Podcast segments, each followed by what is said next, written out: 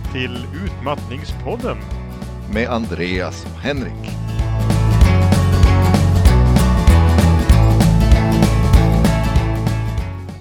Välkomna tillbaka till Utmattningspodden säger jag som heter Arne. Välkomna, välkomna säger jag som heter Henrik också. Hej Henrik. Hej Jan. I, idag, vi har ju pratat flera gånger under den här serien om att vi ska återkomma till acceptans. Mm. Eh, jag tror att du håller med mig om att vi har sagt det jättemånga ja, gånger. Jag känner till och med att vi kan ha hypat upp det här alldeles för mycket. Jag tänker också det. Hur ska vi lägga upp det då för att liksom gå förväntningarna till mötes? vi får helt enkelt beskriva lite grann vad vi faktiskt menar med det här. Eh, jag har väldigt starka eh, uppfattningar kring det här ämnet. Jag har jobbat mycket med att hålla acceptansövningar för folk och det är väldigt många som har frågat efter det. Ja, det som acceptans faktiskt är. Att se saker som de är utan att försöka förändra dem. Det påminner ju väldigt mycket om medveten närvaro, mindfulness och dylika grejer. De här brukar grupperas tillsammans så man kan säga att det ena är övningar på det andra. Och tvärtom. Mm. Men acceptans handlar väldigt mycket om att förhålla sig till olika fenomen där till exempel eh, att man har blivit svårt sjuk och in, eller att man inte kommer att bli frisk igen, att man inte kommer att klara av saker på samma sätt som förr. Mm. är ett ganska bra exempel på det. Att acceptera att man i alla fall för stunden är sjuk eller att man är sjuk hela livet är saker som kan behöva accepteras. Och andra saker är att människor dör, att saker försvinner, att saker tar slut, att saker inte blir som man vill. Just att världen inte ser ut som man skulle vilja är det som man kan behöva acceptans för att eh, stå ut med igen. Ja, det är både på kort och lång sikt. Mm. Eh, det du eh, beskriver nu. Dels man, att man blir sjuk eh, eller skadad. Eh, eller ett, ett, ett sorgarbete är också någonting som kan Mm. följa med en under hela livet egentligen beroende på vilken relation det är. Eh, samtidigt som de här kortare bitarna, att jag är sjuk just nu, Mm. kan jag också behöva acceptera. Mm. Men man måste ju sköta om de där två sakerna på helt olika sätt psykologiskt. Eller? Ja, det kan man säga. Ofta så var ju det här med det här kortsiktiga det som har hjälpt folk mest med. För att det är det som är lättast att klara av när det handlar om svåra saker. För till exempel utmattning, vilket vi kan prata om på förekommande anledning, Ja. så är det ju så att eh, för väldigt många människor så tar man sig inte tillbaka till arbetet på samma grad och på samma sätt som förut. Gör Mm. man det så är det ändå en viss, vissa funktionsnedsättningar som alltid kommer att märkas. Jag vill ju hävda att det här är, är som en hjärnskada, eller är en hjärnskada. Ja, Vilket vi har sagt många gånger här. precis. Och att acceptera det då, när man kanske har levt för det som gjorde en utbränd. Det är roligt att bli utbränd. Som det har vi skulle också sagt förut. ha som undertitel på den här podden nästan. Det är Ja, roligt visst. att bli utbränd liksom. Man har kul på vägen dit. Och ska Mm. man då inte få ha kul längre? Eller på det sättet i alla fall. Hur ska man göra när folk kanske inser att de inte kunde, kommer att kunna jobba med barn längre om det är lärare man var när man blev utbränd? Precis. Det är ju väldigt många fakta i sig som man kan acceptera. Det kanske blir för stort om man säger att man inte kan jobba med barn. Utan då kanske man får ta det här kortsiktiga, typ den här dagen, den här måndagen som är idag, så är Mm. min ork slut. Och just idag finns det delar av mig som drar till förtvivlan och tänker att tänk om jag aldrig klarar mer. De bitarna av mig får också finnas där. Men allt av det här bor i en kropp som är min, som är väldigt trött just idag. Och just idag behöver jag vila liksom. Det där är ju jättesvårt. Ja, Det, eh, jag tycker, det är väldigt bra det du säger. Eh, men och det är, väldigt, det är väldigt svårt. Det, min erfarenhet eh, är ju att från början så var jag väldigt inställd på att bita ihop och stå Mm. ut.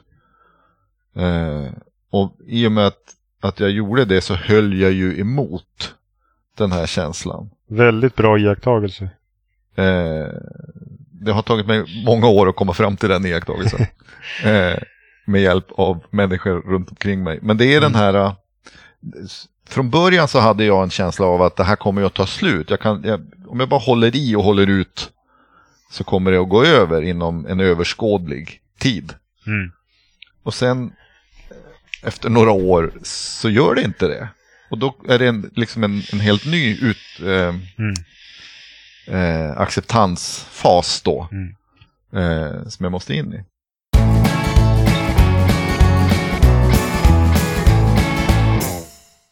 Folk har frågat mig när jag jobbat med det här och förklarat sådana här saker att får man inte hoppas att det försvinner? Får man inte hoppas att det blir bra? Och då brukar jag försöka säga att det finns en skillnad mellan hopp och villkor. För om man biter ihop och tänker sig att jag ska acceptera det här just nu på villkor att det sen blir bra. Mm. Så håller man Mm. emot som du beskriver. Man biter ihop. Att bita ihop är någonting som man förmodligen aktivt gör på något plan. Alltså man, man, någon del av kroppen är spänd. Eller tankarna fortgår liksom. Det är ju så, när, i och med att det har försvunnit en kapacitet så är det ju en väldigt stor del av en själv som håller emot. Mm. Och vill inte att det ska vara på det sättet. Mm. Det, är, det är det som är så svårt att komma igenom. Eller det är nog en av de större bitarna tror jag.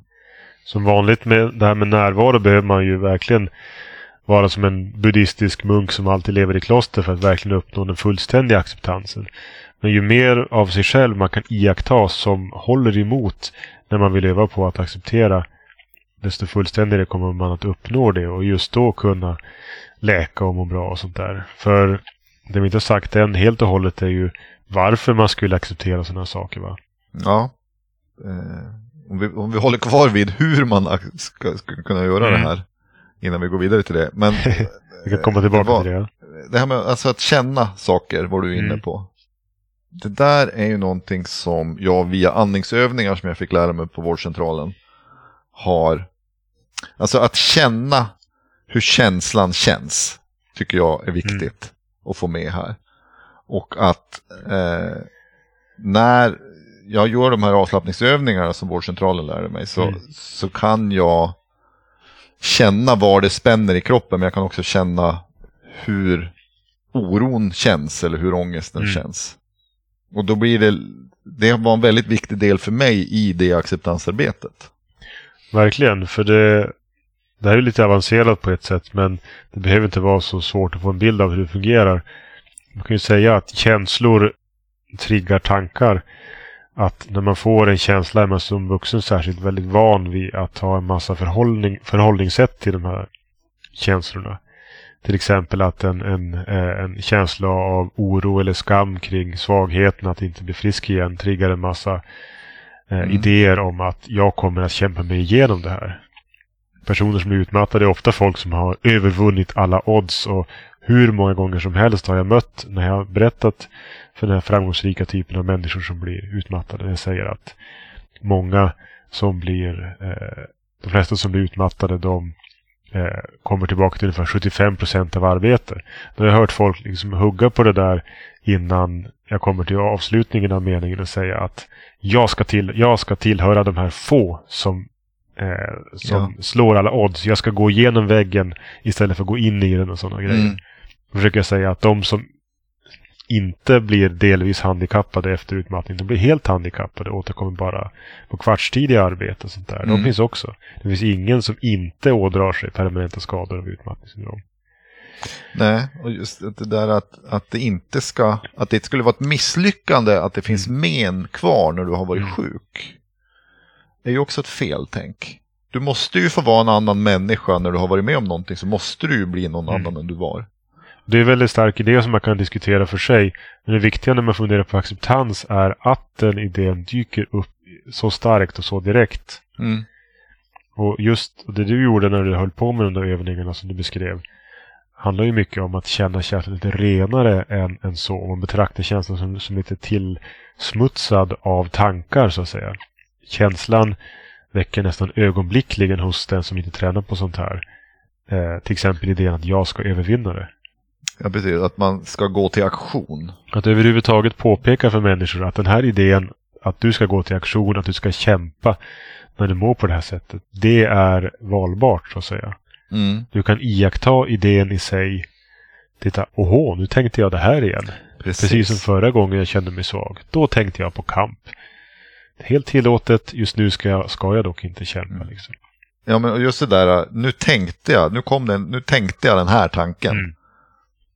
Det är ju också något som är otroligt svårt att medvetandegöra. Men, men de gånger det lyckas så, så kan det leda framåt. Mm.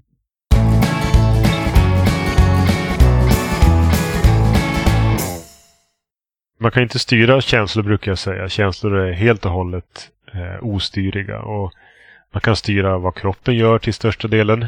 Alla meningsfulla sätt kan man styra vad man gör, beteenden. Och vad gäller tankar är det i bästa fall 50-50. Att en del tankar bara dyker upp. Andra tankar kan man faktiskt påverka mer. Alltså det, det förnuftet jobbar med.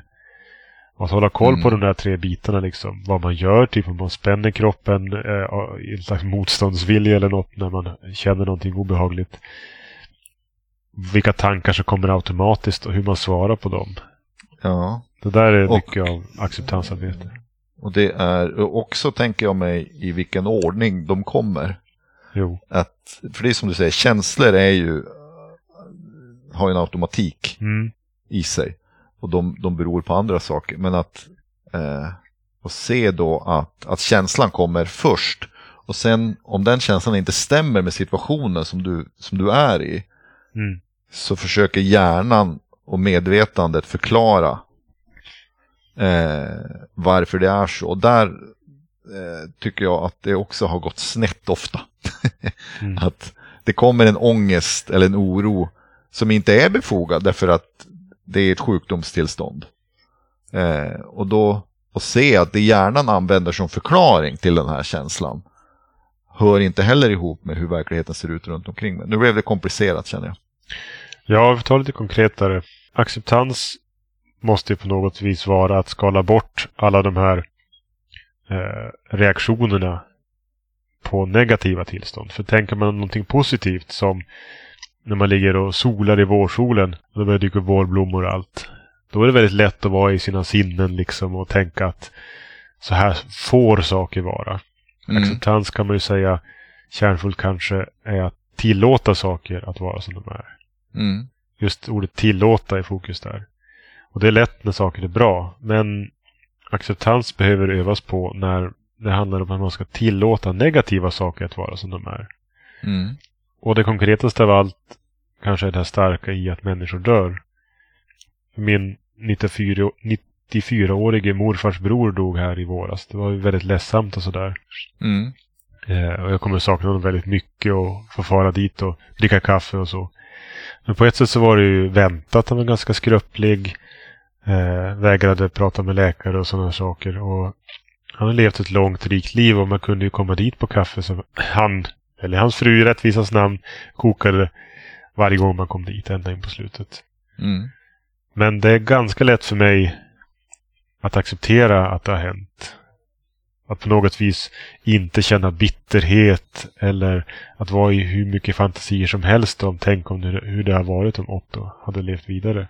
Ja. Uh...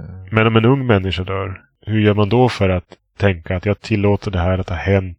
Jag ska inte hela tiden fantisera om att en människa kliver innanför dörren igen.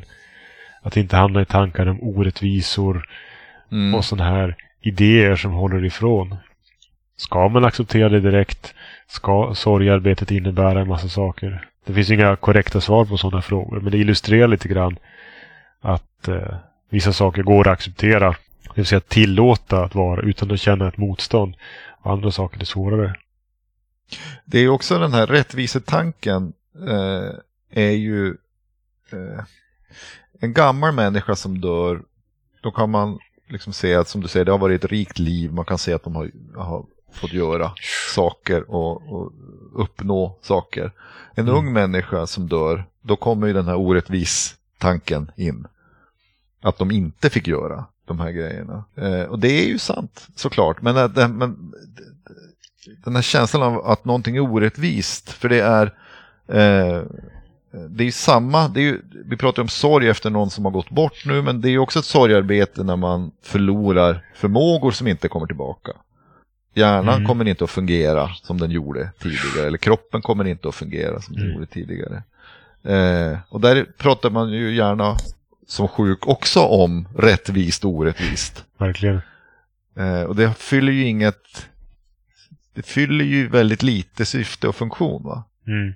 För det är ju lite poängen med det här med varför man ska acceptera saker. Varför ska man stå ut med orättvisor? Det är klart, i sjukdomsfallet så handlar det mycket om att i grunden så går det inte att göra någonting åt. Och om man är oöverens om det som man kan vara mellan en psykolog som vet hur det brukar vara och en patient som så att säga vill kämpa och slå oddsen. Så kan mm. man oftast bli överens om att just idag kommer du fortsätta att ha de här symptomen.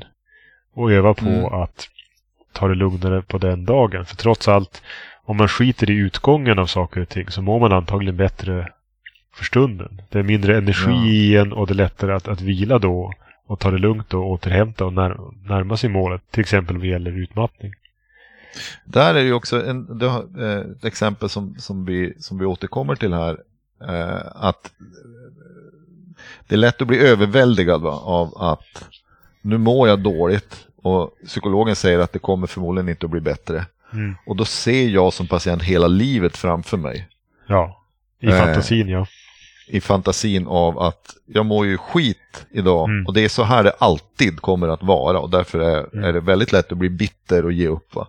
Och att då ta ett andetag och tänka efter och just att eh, det kanske inte, det behöver inte vara så här resten av livet, men det kanske måste vara så idag, för jag mår ja. inte bättre än så idag. Och att ta ner det på en hanterbar nivå. Ja, men visst, det handlar om det. Man får ju jättegärna ha hopp och för många blir det alldeles utmärkt. Det blir fantastiskt senare i livet. Men just att villkora det här hoppet, det sätter en väldigt stor stress på en själv.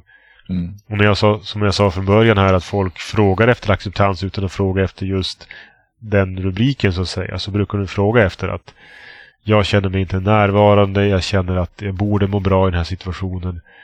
Jag känner att jag har svårt att liksom vara lycklig. Det är klart, lycklig är en av få saker som vården aldrig någonsin kan ordna. Utan det får man fixa själv. Däremot kan man ju göra just så att folk har någon slags sinnesnärvaro i stort och smått. Och när du berättar och beskrev där att man kommer tänka på resten av livet om man hör, som, hör om en sjukdom mm. som utmattning och dess konsekvenser. Så finns ju resten av livet bara i fantasin. Det Precis. enda som finns utanför fantasin är sinnesintrycken. Och att få korn på allt som drar iväg en är det här acceptansträningen som man får öva på.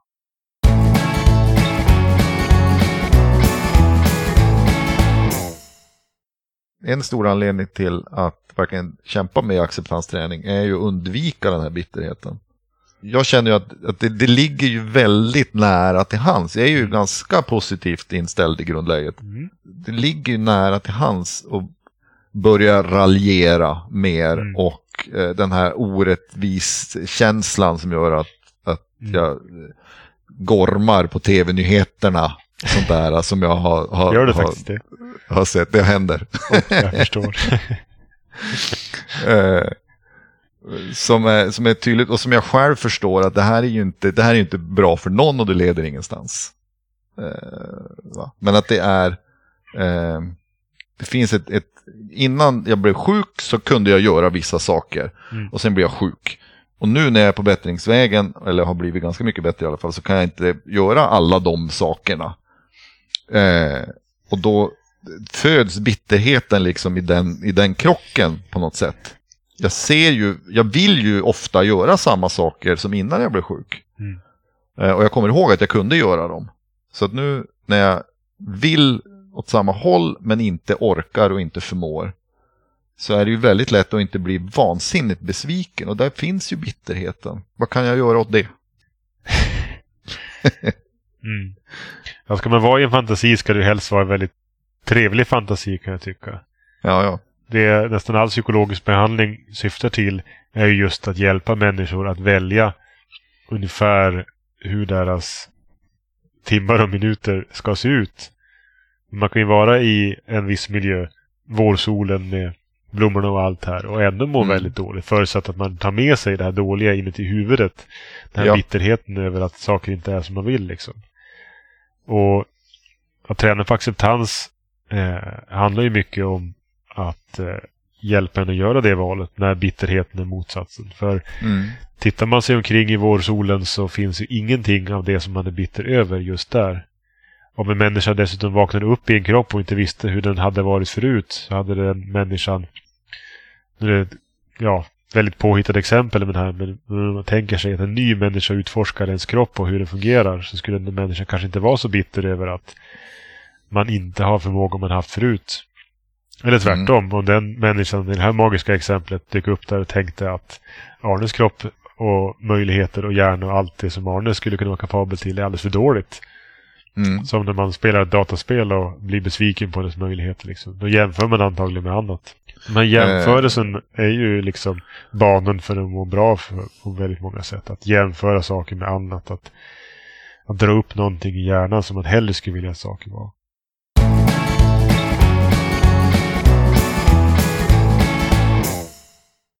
Ja, man kan ju tillägga för att förtydliga just att acceptans är en typ av färdighet som man kan öva på och bli bättre eller sämre på. Det håller jag med om. Inte någon typ av insikt. Är det det så är det en hel flod av kontinuerliga insikter. Men hjärnan är inte en i huvudsak smart sak. Utan det är vanligt en massa korkade saker i hjärnan som tar det mesta av ens tid. Till exempel att ständigt dra en vuxen människa till fantasier om hur saker var förr och hur saker borde vara. Det är väldigt lätt Vill man öva på acceptans är det just det man gör. Man övar på att vara i hur saker, att tillåta saker att vara som de är. Ja, och att leva i nuet. Precis.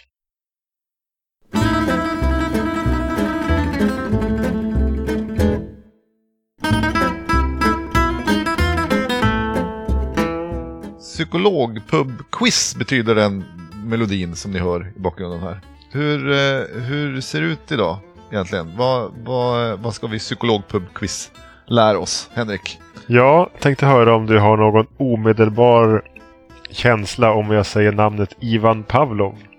Eh, ja, jag tänker på eh, Pavlovska reflexer och hundar och klockor och sådär. Precis. Vad kallas den typen av upptäckt som han då är känd för? Den här eh, reaktionsgrejen som du är inne på. Vad kallas den med en psykologisk term? Jag antar att det har att göra med att de är ofrivilliga. Det kan man säga. Inlärda är mm. väl hans poäng va? Inlärda mm. reflexer, svarar jag. Betingning var det ordet jag tänkte på. Ja, såklart. Närmare bestämt klassisk betingning. Det finns en mer medveten grej som är operant betingning som också är väldigt viktig för inlärningsteori. Men, eh, som handlar om uppmuntran och bestraffningar och sånt där. Ja. Men klassisk betingning som Pavlov eh, varit känd för. Han forskar om mycket annat. Det kommer en liten uppföljningsfråga här strax. Men det, det han upptäckte där när han på att forska om annat. Det var just att eh, om man plingar i en klocka så börjar hundarna automatiskt salivera och kan mm. inte styra det. Precis som man kan få fram sådana här betingade reflexer även hos andra människor. Mm. Eller hos människor och andra. Men en liten uppföljningsfråga. Ja. Han vann Nobelpriset 1904 för eh, det var delvis relaterat till den här forskningen. Vet du vilket område som Nobelpriset gav honom priset för så att säga? Vad, vad sa de? Vad var rubriken på det här? Uh, det är nästan omöjligt men du kan få gissa. Det är kul. Nobelpris i medicin. Ja, i medicin eller fysiologi som det heter. Vilket område sa de att han hade vunnit det här för att ha bidragit till? Uh, Inom fysiologin som han var professor på. Jaha, det var uh, Ja, det här är ju nästan omöjligt. Nej, jag vet inte. ah, matsmältning. Just det. Han var känd för klassisk betingning men det var ju mycket för det här med matsmältningen att han faktiskt forskade fram dessutom, vilket var hans egentliga idé, mm. hur bukspottkörteln påverkas av nerverna. Det var det han skulle forska fram när han kom på det här med, med betingningen. Ja, så det här som han är absolut mest känd för var en biprodukt. Exakt. Ja, penicillinet var väl också en sån där. Exakt. Det vet jag väldigt lite om, ska jag säga. Vad vet du någonting om då som inte jag vet någonting om? Alltså, det jag vet någonting om Henrik, Mm. Eh, det hittar du på Wikipedia. jag tänkte ställa en fråga om tidszoner. Mm. Hur många tidszoner har Sverige? Kan du svara på det? Ja, det är klart att min känsla är en kring det där. Eftersom man har ritat om tidszonerna för att passa in i Sverige. Och jag vet inte att Sverige har några territorier som är utanför landet heller. Som det, ja, det var länge sedan. Ja. Så nej, det är klart att det är en tidszon. Det är, de flesta eh, små länder har ju bara en Mm. tidszon. Och som du säger så ritar man ju om kartan då för att det ska vara stämma Jo. eh, inrikesmässigt sådär. Eh, men samtidigt finns ju jättestora länder då som eh, Ryssland och USA till exempel har 11 tidszoner var. Just det.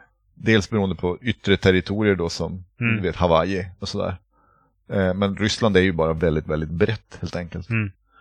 Eh, efter dem eh, så kommer Australien, Storbritannien och Antarktis som har nio var. Antarktis glömmer man ju lätt bort där. Ja. Att det ens är, är en plats. Det var skumt att inte de hade alla, för det måste ju ligga i alla. Ja. Så, eh, men de har, de har bara nio stycken. Mm. Så där har du eh, delad andra plats för USA och Ryssland och delad tredje plats då för de här andra tre, Australien, Storbritannien och Antarktis. Just det. Vem ligger då på nummer ett med 12 tidszoner? Mm. Just det, så det var inte ettan nej. För annars, du har ju tagit alla mina gissningar. Kanske drämmer till med Frankrike då som har en massa småöar här och där va? Och det är ju helt rätt svar. Ha! Mycket bra. Oj oj oj! Helt rätt, det är första gången det händer här. Det är ju, eh, helt rätt svar. Det är ju precis för att det, de har ju en massa liksom, imperierester Mm. kvar. Jag hade ju gissat på Kina kan jag säga. Och de har ju ingenting, de har förlorat en massa krig så allt det de hade utomlands liksom är borta nu. Fast det är ju fortfarande ett stort, stort land. Ja, Fast det kanske är mest till folkmängden. Ja det är väl världens tredje största till ytan tror jag. Eh, för de har bara två stycken nämligen. Mhm. Tydligen hade de bara en där mellan 45 och när Mao dog tror jag. 73. Man hade Peking-tid under väldigt Det lång måste ha tid. varit lite, lite knepigt där uppåt Himalaya-bergen där. Eh, jag ska inte svära på att det stämmer, jag har hört det någonstans. Jag vet inte Låter det lite sant. Kinesiskt ja. Det jag vet är att idag har de bara två och det tyckte Mm. jag var färre än jag hade trott. Ja, Faktiskt. det är om tidszoner och Wikipedia-kunskap. Mm. Tack för idag. Tack själv. Hej då. På utmattningspodden.se hittar ni länkar till allt vi pratat om.